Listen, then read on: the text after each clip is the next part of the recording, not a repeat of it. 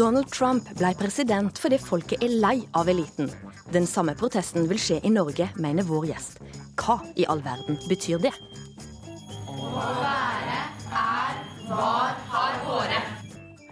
Helvetes nynorsk, sa Trude Mostu, som òg har brent nynorskordboka. Språkprofessoren svarte med å rette alle skrivefeilene hennes. Krangelen tar de her i ukeslutt. Og du ønsker kanskje ikke å tenke på at verden kan gå under, men noen er forberedt på katastrofer. Det er store krefter under oss, det er store krefter over oss. En eller annen gang så skjer det jo noe. Velkommen skal du være til ukeslutt. Jeg heter Ann Kristin Listøl. Og vi starter med den nye presidenten i USA.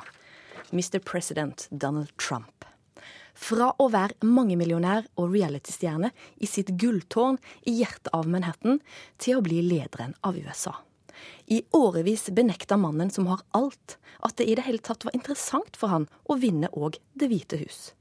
Men etter en av tidenes bitreste valgkamper vil politikere, medier og et splitta folk omtale Donald Trump som Mr. President Trump.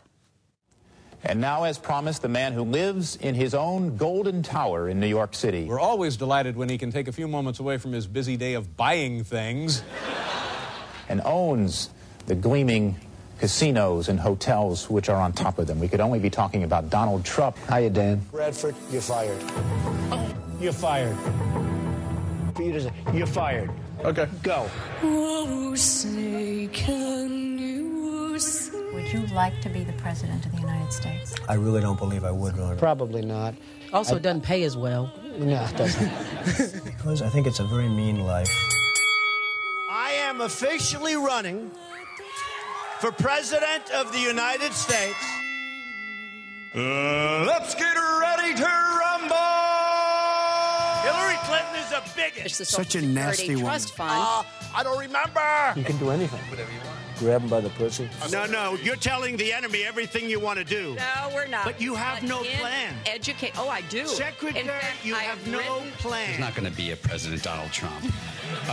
Donald Trump is not going to be president of the United States. You're not going to be president. I've just received a call from Secretary Clinton. America is crying tonight. I mean, literally crying. How did this happen? Experienced politician versus racist fake gynecologist. You're awake, by the way. You're not having a terrible, terrible dream. Also, you're not dead and you haven't gone to hell. This is your life now. This is our election now. This is us. This is our country. It was awesome. It was like I died and gone to heaven. He is the true leader of the people. This is an amazing, amazing day. Now we're going to make America great again. The American dream is dead. Quiet, quiet. Mr. President-elect, Go ahead. She's, she's asking a question. Don't be rude. President-elect, how did You you are fake news. You know, the only one that cares about my tax returns are the reporters. We're going to build a wall. I don't feel like waiting a year or a year and a half. We're going to start building. Build that wall. Build that wall. President Obama, you're fired.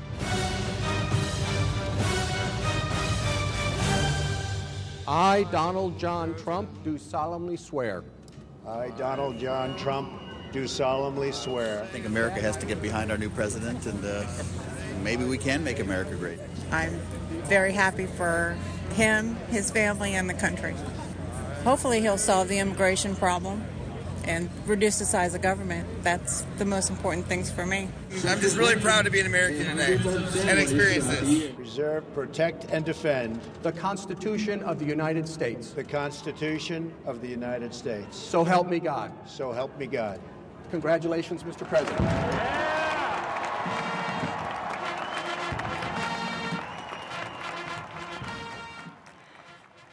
Det var reporter Nikolai Voldsdal som tok oss gjennom denne reisa. Hvor var du da Donald Trump ble tatt i ed som USAs 45. president? Jeg var på jobb, på jakt etter de som skjønte at han kom til å bli valgt lenge før det skjedde. Jeg fant to stykker. Nina Bryn, du er lege og journalist. Du flytta hjem til Norge i august, men har jobba som lege i USA i 30 år. Du skjønte at han kom til å bli valgt lenge før. Hva er det amerikanerne trengte, siden de valgte han, som vi her hjemme kanskje ikke helt har skjønt? Jeg tror de ville bli hørt. Um, og det, det har med å gjøre at vi har hatt en stor forandring, stor sosial forandring i de siste åtte årene under demokratene. Men det, dette er en sånn verdensomspennende forandring som har skjedd med globalisering, mer liberale politikk. Vi har hatt ikke sant, fikk Obamacare, tillatt homofile ekteskap. Det er også mye rasepolitikk og lov og orden som går inn i dette her, hvor ting har forandret seg veldig i USA fra hvordan det var før. Det var et mer stabilt, homogent samfunn. Om ikke homogent, men i hvert fall homogent i måten de tenkte på. Men hva var de trengte konkret å bli hørt? De trengte å bli hørt i at um, Altså det at de følte at de kunne ikke på en måte Jeg synes på en måte Innledningen du hadde her, sa litt av det. Du hørte hvor aggressive folk var. Folk har blitt, I og med at de har blitt så polarisert på hver sin side i politikken, Samtidig med det så har de blitt mye mer uh, aktive i å fiendtliggjøre den som er uenig med dem. Så de kaller hverandre stygge ord, og de som ikke er enig med deg, er dumme og teite. Og når du da har en gruppe som ikke har hatt makt, altså republikanerne og, og hvite heterofile menn som har, føler at de ikke har hatt makt, og som føler at de ikke har blitt hørt, og at de blir latterliggjort for å være den de er, uh, så blir dette på en måte et sånt reaksjonsvalg, da at de velger en mann som de tror de kan få lov til å si hva de vil under, og som de tror hører dem i deres nød, i anførselstegn. Vi skal ta med oss Per Johan Ramsli, som sitter i eh, Volda, der han eh, jobber i studieadministrasjon ved Høgskolen i Volda. Han er, du er òg sykehusaksjonist. Og Per Johan Ramsli, du kjefta litt på oss, du. I oktober så sendte du en e-post til oss og var misfornøyde med at eh, vi hadde hatt en sak om Trump som var for kritisk, ja. og du sa 'skjerp dere'. Ja. Og, og, så sa du Trump kommer faktisk til å vinne valget, selv om dette ikke passer inn i deres verden. Du fikk rett. Hvorfor er Donald Trump en bra president for amerikanerne? Ja, jeg vil først få takke NRK for å eh, ta opp uh, dette temaet igjen, og håpe på en mer objektiv journalistikk i, i framtida. Eh, og først vil jeg si da som eh, en mann av folket og eh, sykehusaksjonist, det er viktig å lytte til grasrota. Og det er vel nettopp det Donald Trump har gjort. Og nå har velgerne satt seg i førersetet. Politikerne sitter nå i baksetet. Og det er sånn det egentlig bør være. Eh, du spør hvorfor er han Donald Trump en god mann. Jeg tror han må gå til, eh, slik jeg ser det, det den todelte forklaringa på nettopp dette valgresultatet. Eh, og kort fortalt så vil jeg si det at jeg tror de så det som en siste mulighet egentlig til å få snu den negative trenden det går på økonomi, eh, skape og beholde arbeidsplasser, få trua på USA tilbake, spesielt i arbeid, arbeiderklassa. Men også et verdivalg, eh, som Nina Bryn var inne på. Dette her med eh, Donald Trump har vært veldig klar på at ekteskapet er for mann og kvinne. Når han klarte å mobilisere de 80-90 millioner kristne, så vet vi også at de, 80 av de stemte Trump. Men også han har vært veldig klar på støtta til Israel. Eh, der bør også Norge faktisk følge opp. Han eh, Brende må slutte med det tøyset han driver med. Og videre dette med utnevninga av eh, høyesterettsdommere. Men, Vers, versus ja. skal bare si, for Nina Brun sitter her faktisk og nikker til mye av det du sier.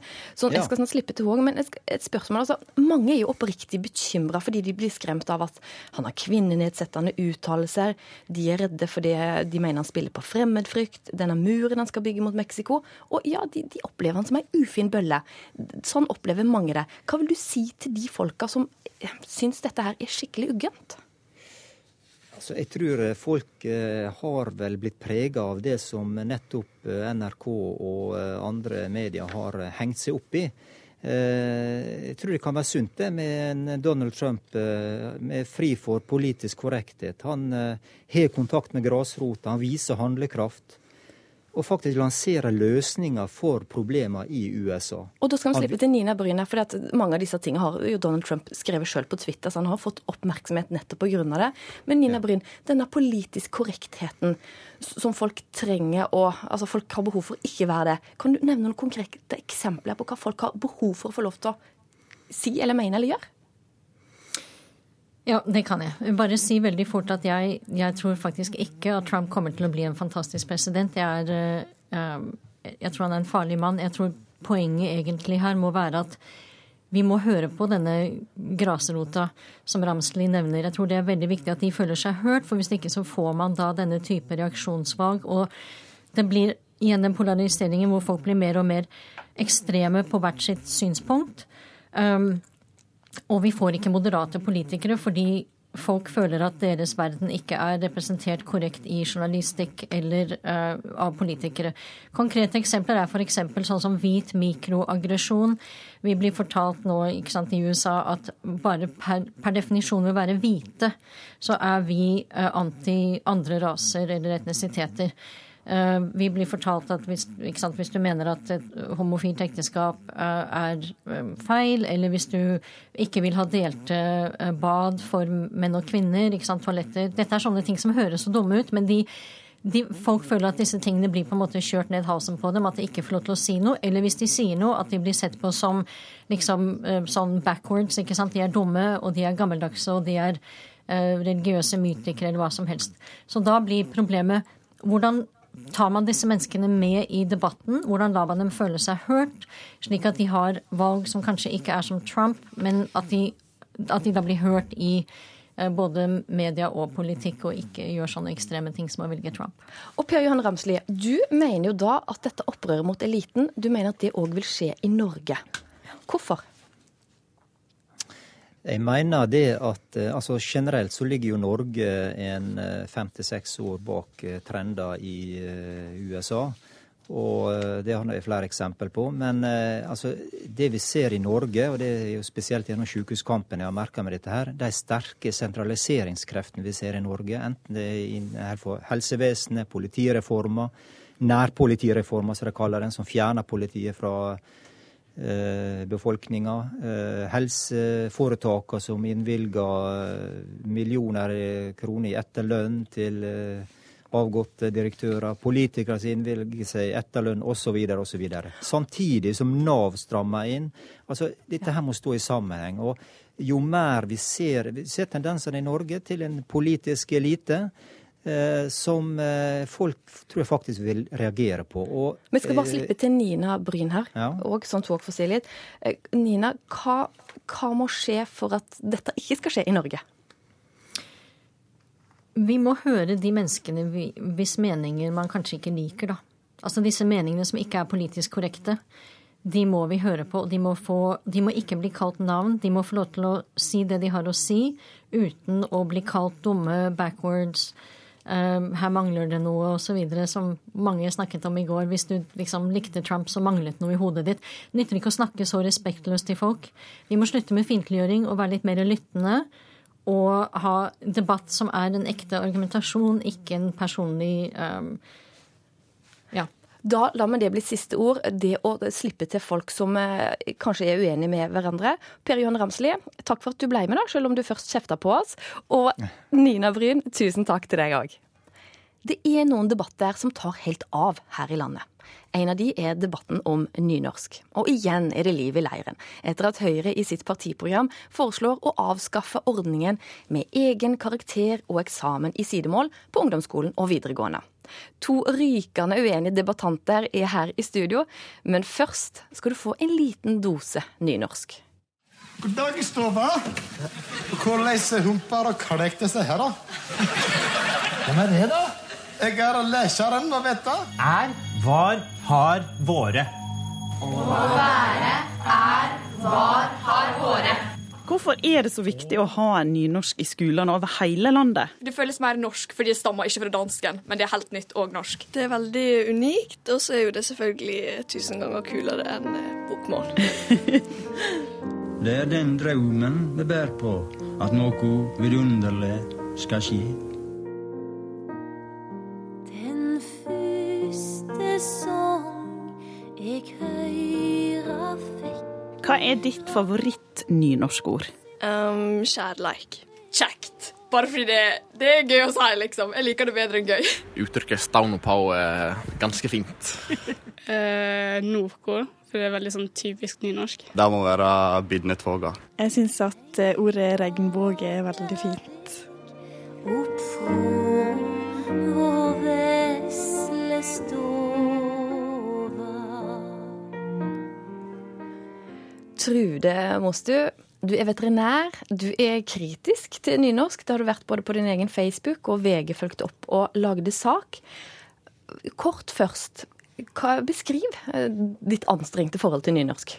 Ja, Først og fremst må jeg bare si at jeg, jeg er kritisk i forhold til uh, skolepensum. Uh, når jeg hører nynorsk sånn som dette her, så syns jeg faktisk det er vakkert. Og jeg, jeg liker nynorsk i, i uh, riktige sammenhenger.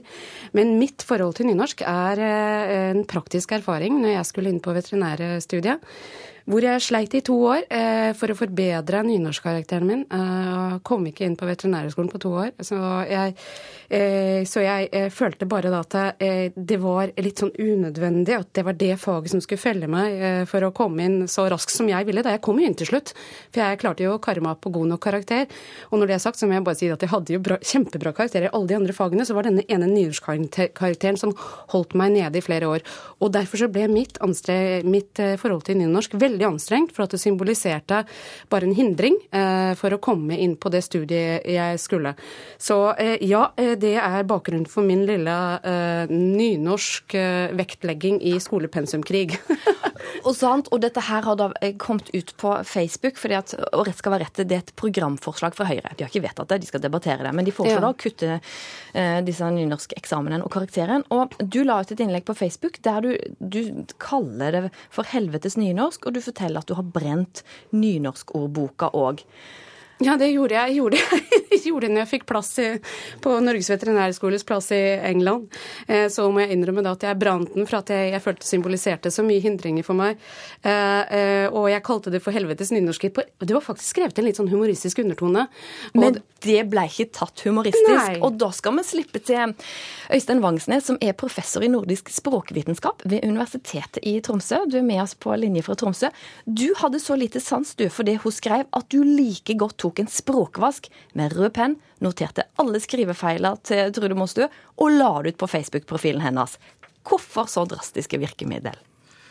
Ja, altså hvis det bare hadde, den diskusjonen hadde foregått på Facebook, så eh, hadde det vært greit. Det kom ikke noe nytt fra Trude Mostue eh, hvis man sammenligner hva man ellers ser fra ulike folk.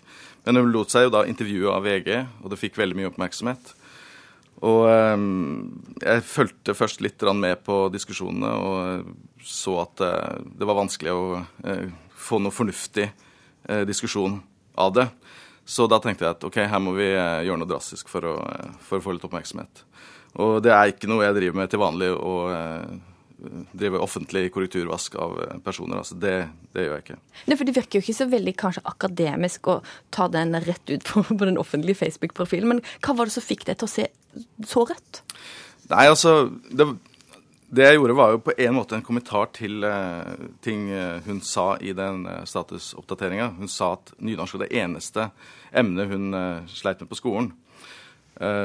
så så vi også da at det var veldig mye skrivefeil der i det, det, hun skrev. Så da kan du si at OK, kanskje det er litt mer generelt utfordringer med språk. Så det, det var jo for så vidt ganske stygt, da. Uh, så var det veldig mange ting i det eh, Moses skrev, som er eh, ja, delvis hatsk, delvis, delvis, intolerant og delvis kunnskapsløst. Så da tenkte jeg at her må vi prøve å få sagt noe om, om det, da. Og Mostu, du får høre her, du er hatsk og mener at du skrev ikke godt nok på bokmål. Nå skal få svare direkte. Hva vil du si til Vangsnes? Nei, først og fremst er jeg veldig imponert over at du har switcha dialekten din, da. Eh, men, eh, så det er bra, da skjønner jeg hva du sier. Men eh, jeg syns bare fortsatt at det er en veldig tynn unnskyldning og en dårlig måte å argumentere på.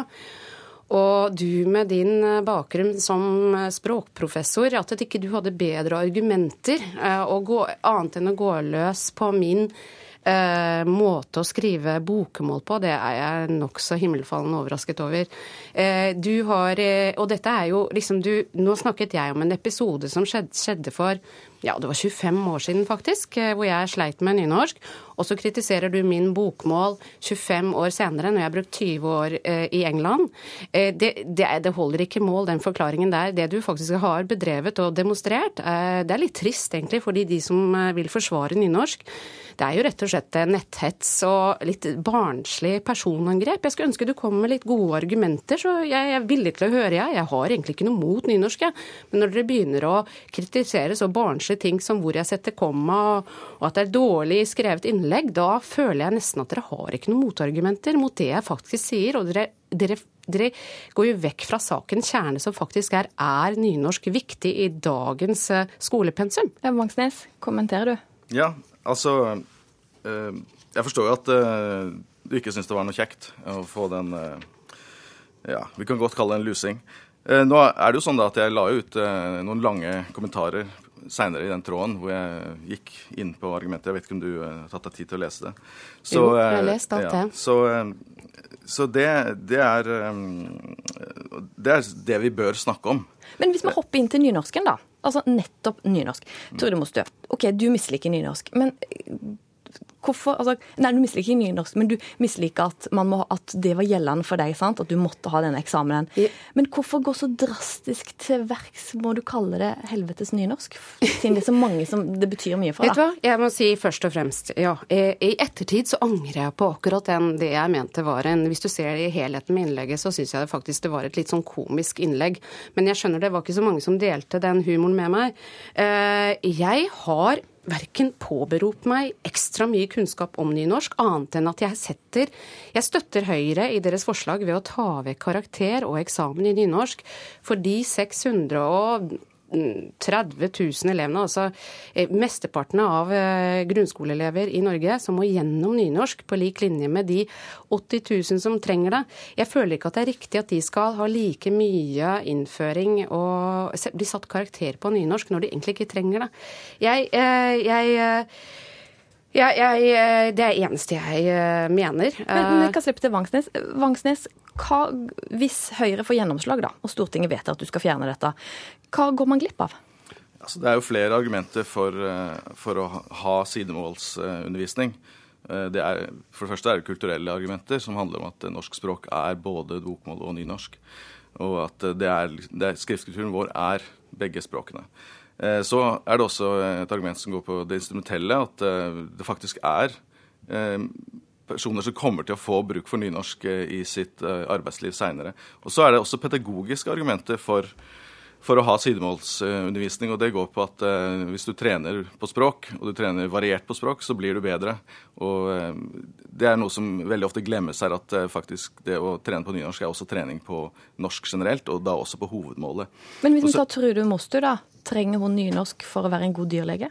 Ja, altså, eh, Trude Mostu kunne jo kanskje fått sin første jobb i, eh, i Luster kommune i Indre Sogn. ikke sant? Det hadde hun fått bruk for for uh, nynorsk. Så man kan jo aldri forutsi det. Skolen skal jo utdanne generelt og bredt. Og da må man uh, tenke gjennom hva, uh, hvilke generelle kunnskaper elevene kan komme til å få. Og det gjelder jo mange fag. Altså, jeg vet ikke hvor mye Trude Mose hadde bruk for his middelalderhistorie. altså, vi kan, vi kan, holde på sånn hele tiden.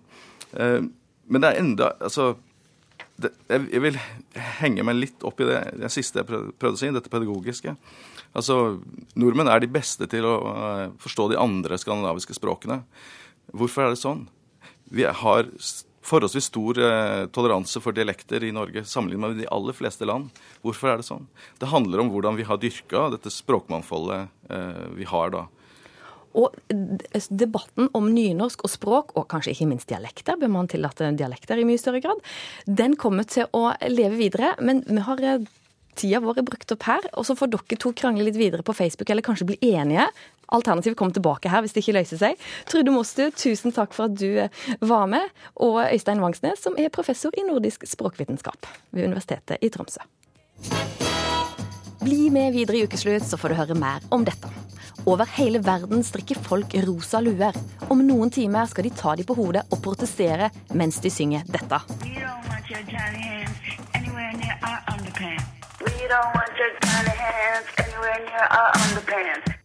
Og Timbuktu vil ikke bli vurdert ut fra hudfarge.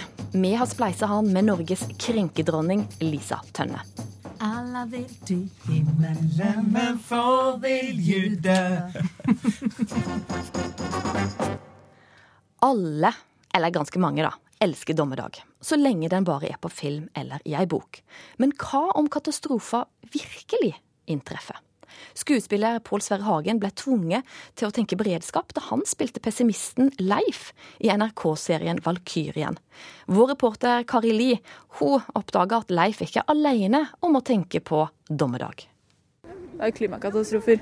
Solstormer og sånn. Nei, Det må vel være utbrudd av en form for ny pest eller noe sånt, noe helt uforutsett. Eller eh, atomkrig. Er det noe som bekymrer deg? Ja, litt faktisk. Husker du Frihetsgudinna som rives ned av en kjempebølge som treffer New York? Årsaken til katastrofen i filmen The Day After Tomorrow var global oppvarming. En nokså fjern tanke da filmen kom i 2004. Er tanken om katastrofe like fjern i dag?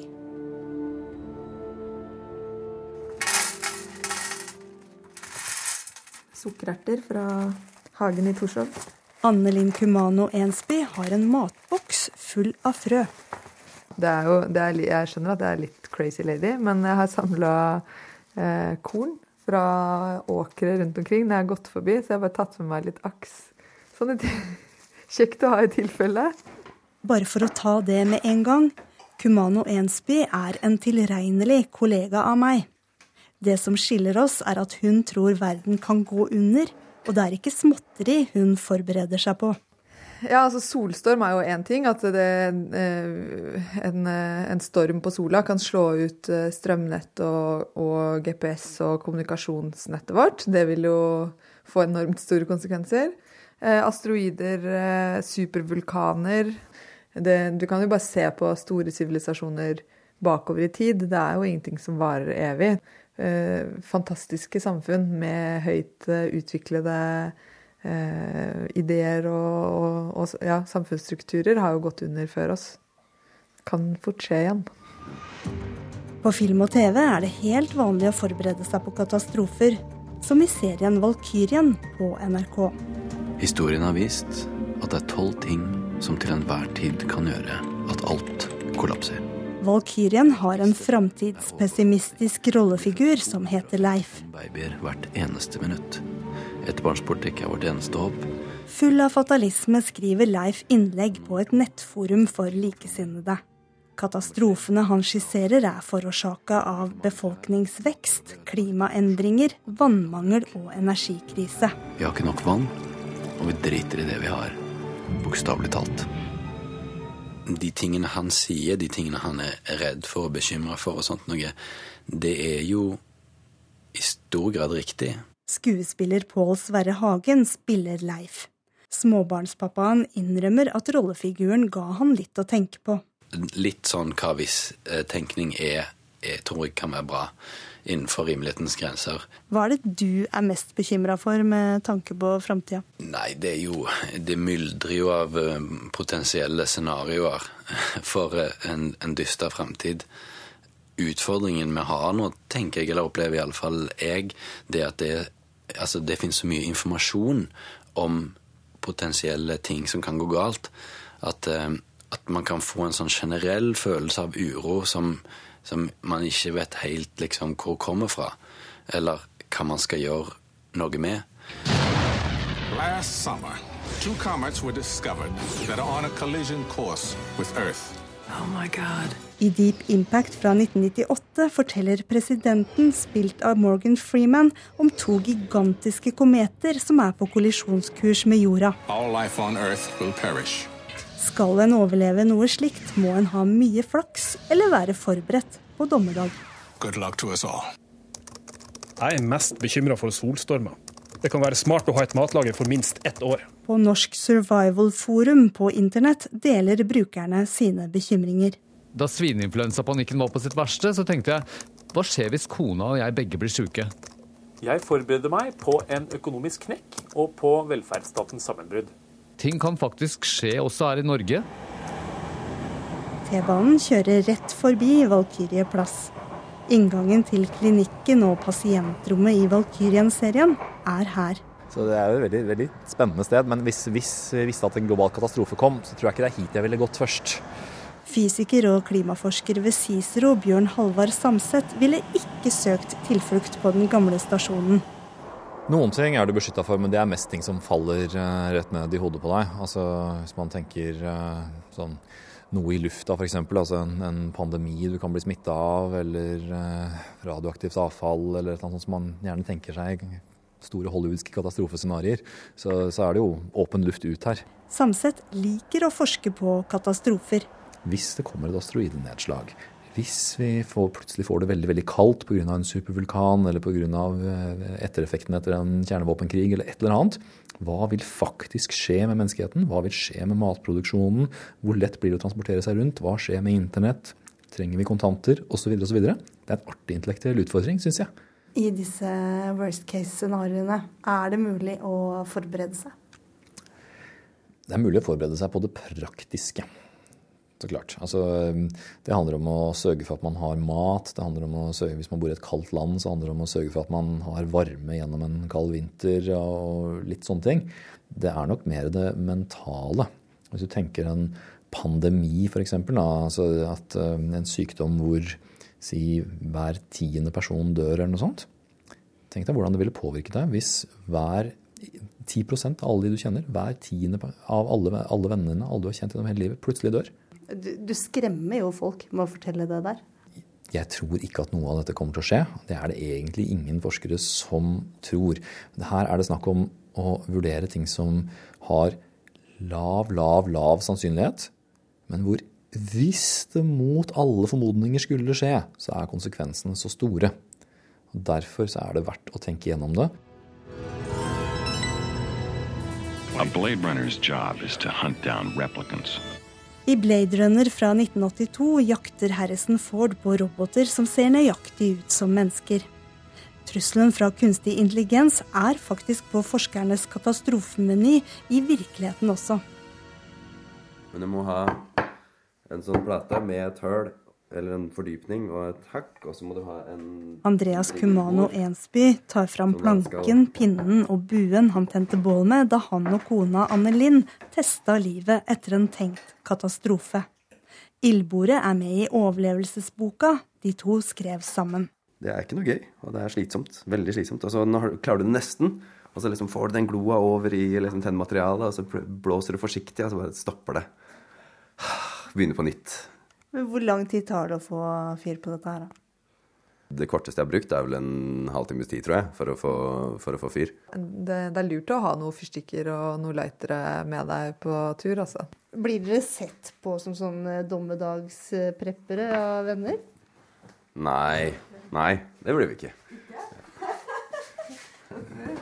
Det er, det er, mange som eh, sier at eh, hvis eh, verden skulle gått under, så hadde de kommet til oss, liksom. At de, de nå forventer at vi har full kontroll på hva man skal gjøre. Og det bare er en spørsmål om når, og ikke hvis verden går under. Ja, men det er jo bare et spørsmål om statistikk. ikke sant? Fordi at en eller annen gang Altså, det er store krefter under oss, det er store krefter over oss uh, i, si, i kosmisk forstand en eller annen gang så skjer det jo noe. Altså, det er jo aldri noen ting som varer evig.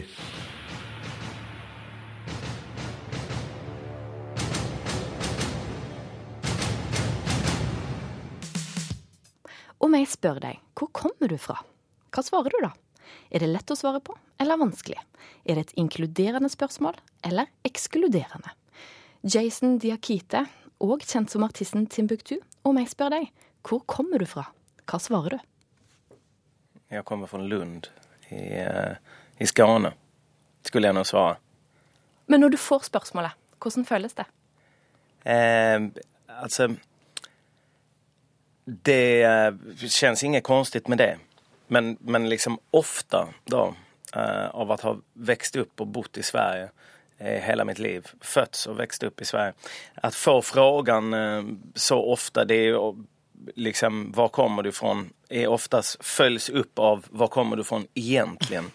Eh, och det, det, det ligger i pausen och egentligen eh, som vad ska man säga, problemet för mig som får frågan eh, ligger. För då blir det ett exkluderande att du är ju inte härifrån egentligen, så var kommer du fra ursprungligen?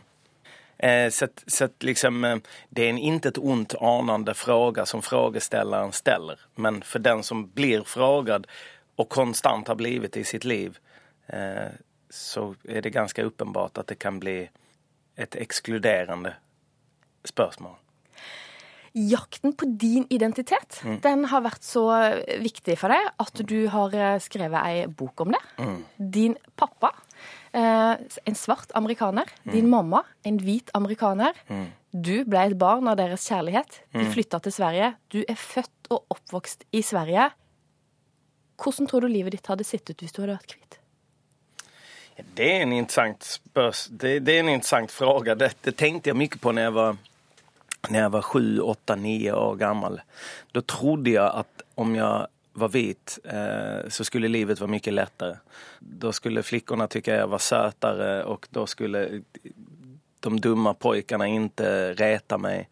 Eh, men vidare i mitt liv har jag inte riktigt tänkt så utan jeg jag har liksom förlikat mig med att jag är den jag är så att säga. Jag är mycket, mycket glad och tacksam över det.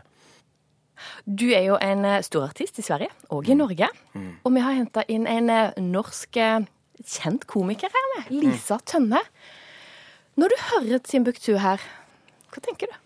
Uh, nei, jeg har jo Altså, jeg selv er jo adoptert uh, fra Iran. Så jeg har jo hatt mye av de samme Hvor er du fra? Ja, men hvor er du fra egentlig? Jeg har også fått eh, ting som ehm, Ja, men du er ikke en sånn. Ja, eksakt. Ja, ja. Og hva, hva betyr Ja, men en sånn er jo en som på en måte en, en Ja, hva er det de mener? Mener de da en muslim? Mener de en terrorist? Mm, Mener de mm, Altså, mm. hva mener de? Noe negativt mener de jo da, Mm, når de puster lettet ut og sier 'du er ikke en sånn'. Ikke sant? Og det For det er liksom at man er Det er som å være en gjest i ens eget hem på noe sett. At man vil i sitt hemland kjenne at man er en, en, en del av gemenskapen. Men med en sånn fråga kan man ju direkt bli ifrågasatt om man verkligen tillhör, eh, eh, verkligen är en av oss. Og, og, og da, som du sier, liksom, ja men du er i hvert fall ikke en sånn. Ja men du er okej. Mm. Det er de Du er vår. Du er vår. Ja. Men de andre, Ja. de gillar vi inte. Det gjør liksom ikke saken bedre. Men når folk nettopp sier det, da, hva, hva svarer du tilbake da, Lisa? Uh, Nei, altså, jeg pleier ikke å orke å egentlig svare så mye. Jeg sier sånn ja, ja, ja, ja, Mm, ja, sier jeg da. Jeg er ikke en sånn. Og så, eh, for, det, for det handler jo om Altså, jeg tror at dess mer nå verden blir nå mindre og mindre og større og større, på en måte, og globaliseres mer og mer, så vil det her sakte, sakte, men sikkert dø, dø ut. Absolutt. Ikke sant? Ja, Men det er viktig at eh, når man står i det nå, sånn som du gjør, roper ut og sier så 'jeg vil ikke ha det sånn', hør her, sånn vil ikke jeg ha det. For det er viktig for at neste generasjon igjen skal plukke det opp og ta med seg det vi Akkurat som kvinnekampen. Altså det er jo Mm, mm, helt det absolutt, samme. det er helt det ikke samme. sant? Så er, vi må bare ha ro, is i magen, og ikke bli så krenket hele tiden. Vi må Mm. bare si ja, ja når vi blir krenket. Og så må vi bare stole på at eh, generasjoner framover så vil dette her løse seg, Mm. tenker jeg. Men kan det hende at de som spør type til deg, da, Jason, og hvor kommer du fra, at de bare er nysgjerrig og har liksom lyst til å vite mer om din bakgrunn, for det er spennende, og det kan Självklart. At de mener det godt. Ja, selvklart. Det er, en, inte, det er 99 fall av 100 så er det jo ikke en, en, en, liksom en... Det finns ingen elakhet i att ställa den frågan. Men det träffar mig på ett sätt. För det är ofta så här, ja men, men jag menar ju ingenting illa Mm. med det. Nej men aningslöshet som vi kallar det på svenska är inte en ursäkt. Jeg Jag kan inte sätta mig in i hur livet eh, som kvinna känns. Men om jag verkligen vill vara rättfärdig mot kvinnor då är det första och bästa och största jag kan göra är att lyssna på dig och fråga dig, ja men hur känns det, hur är det? Och sen ta ditt ord för det. Inte berätta för dig, vilket många män skulle Mm. kanske mena, berätta Mm. för dig hur det känns. Du, det där är inte så farligt. Mm. Det där med sexism och liksom kvinnoförtryck, Nå det finns inte. Ja, Exakt. ja. Problemet er jo at når du snakker om at folk har fordommer, Mm. så tror man at de menneskene som da har fordommer Og alle har jo fordommer. Nei, jeg også. Ikke sant? Jeg også har jo fordommer. alle har det. Ja. Og, men jeg går jo ikke og tenker på at mine fordommer er fordommer. Jeg tenker jo på mine fordommer som sannheter. Og det er jo det som er problemet. Det gjør jo alle med sine Mm. fordommer. Det er jo ingen som går rundt og tenker ja, jeg er rimelig fordomsfull, men det har jeg tenkt å fortsette å være. Altså, alle ønsker å se på seg selv som et relativt åpent menneske. Men det är det, jag tror det hade blivit viss skillnad om alla försökte komma ihåg att vi har fördomar som inte är sanna. Mm. Alltså att jag kommer ihåg i min vardag att så här, fan, jag, är, jag är fylld av fördomar precis som du är. Mm. Jag försöker jobba på att mina fördomar ska eh, bli bättre. För jag Men vet først må att, du finne de. Ja, ja, visst, La oss men- finne de, da. Ta en runde, da. Lisa, hva er dine fordommer? For eksempel, da, du kommer inn på for eksempel, og det er jo grusomt. Nå Mm. kommer jeg til å bli brent på bålet som grusomt menneske når jeg sier dette her. Men det er jo liksom, hvis du kommer inn, så kommer du inn Altså er det et menneske som er altså, veldig stor da, i kroppen, og som skal inn og spise på McDonald's. Mm, mm. Hva tenker du da? Da, da får man en, en Absolutt. Får man ikke et lite blaff av Ja, ja. Jo, jo, Nei. Ja vel. Det, det slår i huvudet på spiken av en... Det er jo så klart en ferdom, Liksom. Og jeg vet jo ingenting om det er Nei. stoffskifte, eller om det er Nei, hva slags nei. helvete av et liv det mennesket har hatt. Men jeg skal likevel si, nikke litt for meg selv og si Ja. ja, tenkte Ja. meg det. Tar Skulle du vi, hand om deg Ja, selv? skulle vi ikke vært her inne du inne du død? denne här? Ja. Skulle vel kanskje vært på Sats istedenfor på McDonald's. Ikke sant? Det blir, altså, jeg sier jo ikke de tingene. Men du tenker, men, du kan tenke det sant? det, går et sånn blaff av en sånn stygg fordom uh, inni meg, uten å på en måte Man må liksom aldri glemme at alle mennesker man møter, fighter en fight som jeg vet ingenting om. Nei, exakt. Ikke Ha en berettelse. Ja. Ja. Og det glemmer man i fordommene sine. Hvis, hvis vi skal lære av det du egentlig tar opp, hva er det jeg som et menneske bør tenke over før jeg stiller noen et spørsmål som kan såre? Nei, Du behøver ikke tenke så mye. Bare helt enkelt bare vara, ha litt åpnere ører og öron och eh, kanskje litt stängdare munn ibland. Det har jeg alltid gjort hele livet. Det er en grunn, Lisa, til at du har to ører og én munn. Jeg har aldri klart Ja, å nej, ta lærdom av det. Nei, det är inte det att jag har gått gjennom livet tyst heller. Men, men liksom, eh, like mye som man gillar å prate selv, så må måste man være bra på å lyssna på folk også. Og hvis vi avslutter der vi starta, da. Altså hudfarge. Jason, du lurte på hvordan det hadde vært om du var hvit. Men nå i livet, hvor er du i forhold til din egen hudfarge nå? Jeg er bare Jason som går rundt og ser ut som jeg gjør, og er veldig lykkelig i mitt liv. Det er vel der jeg är. Og du, Lisa? Jeg har det topp. Mm, vi har det godt. USA sin nye president er omstridt, grunn av hans uttalelser om kvinner. Du husker kanskje 'Grab them by the pussy' som kom fram i valgkampen, og i dag, over hele verden, blir det protester. Grab him by the pussy. Grab by the pussy. We don't anywhere near our underpants. We don't want your tiny hands anywhere near our underpants. We don't want your tiny hands anywhere near our underpants. Her hører du artisten Fiona Apple. Og i ettermiddag så eh, kommer mange folk til å ta på seg sine rosa luer som de har strikka sjøl eller kjøpt, for å protestere mot Donald Trump og hans syn på mangt og meget.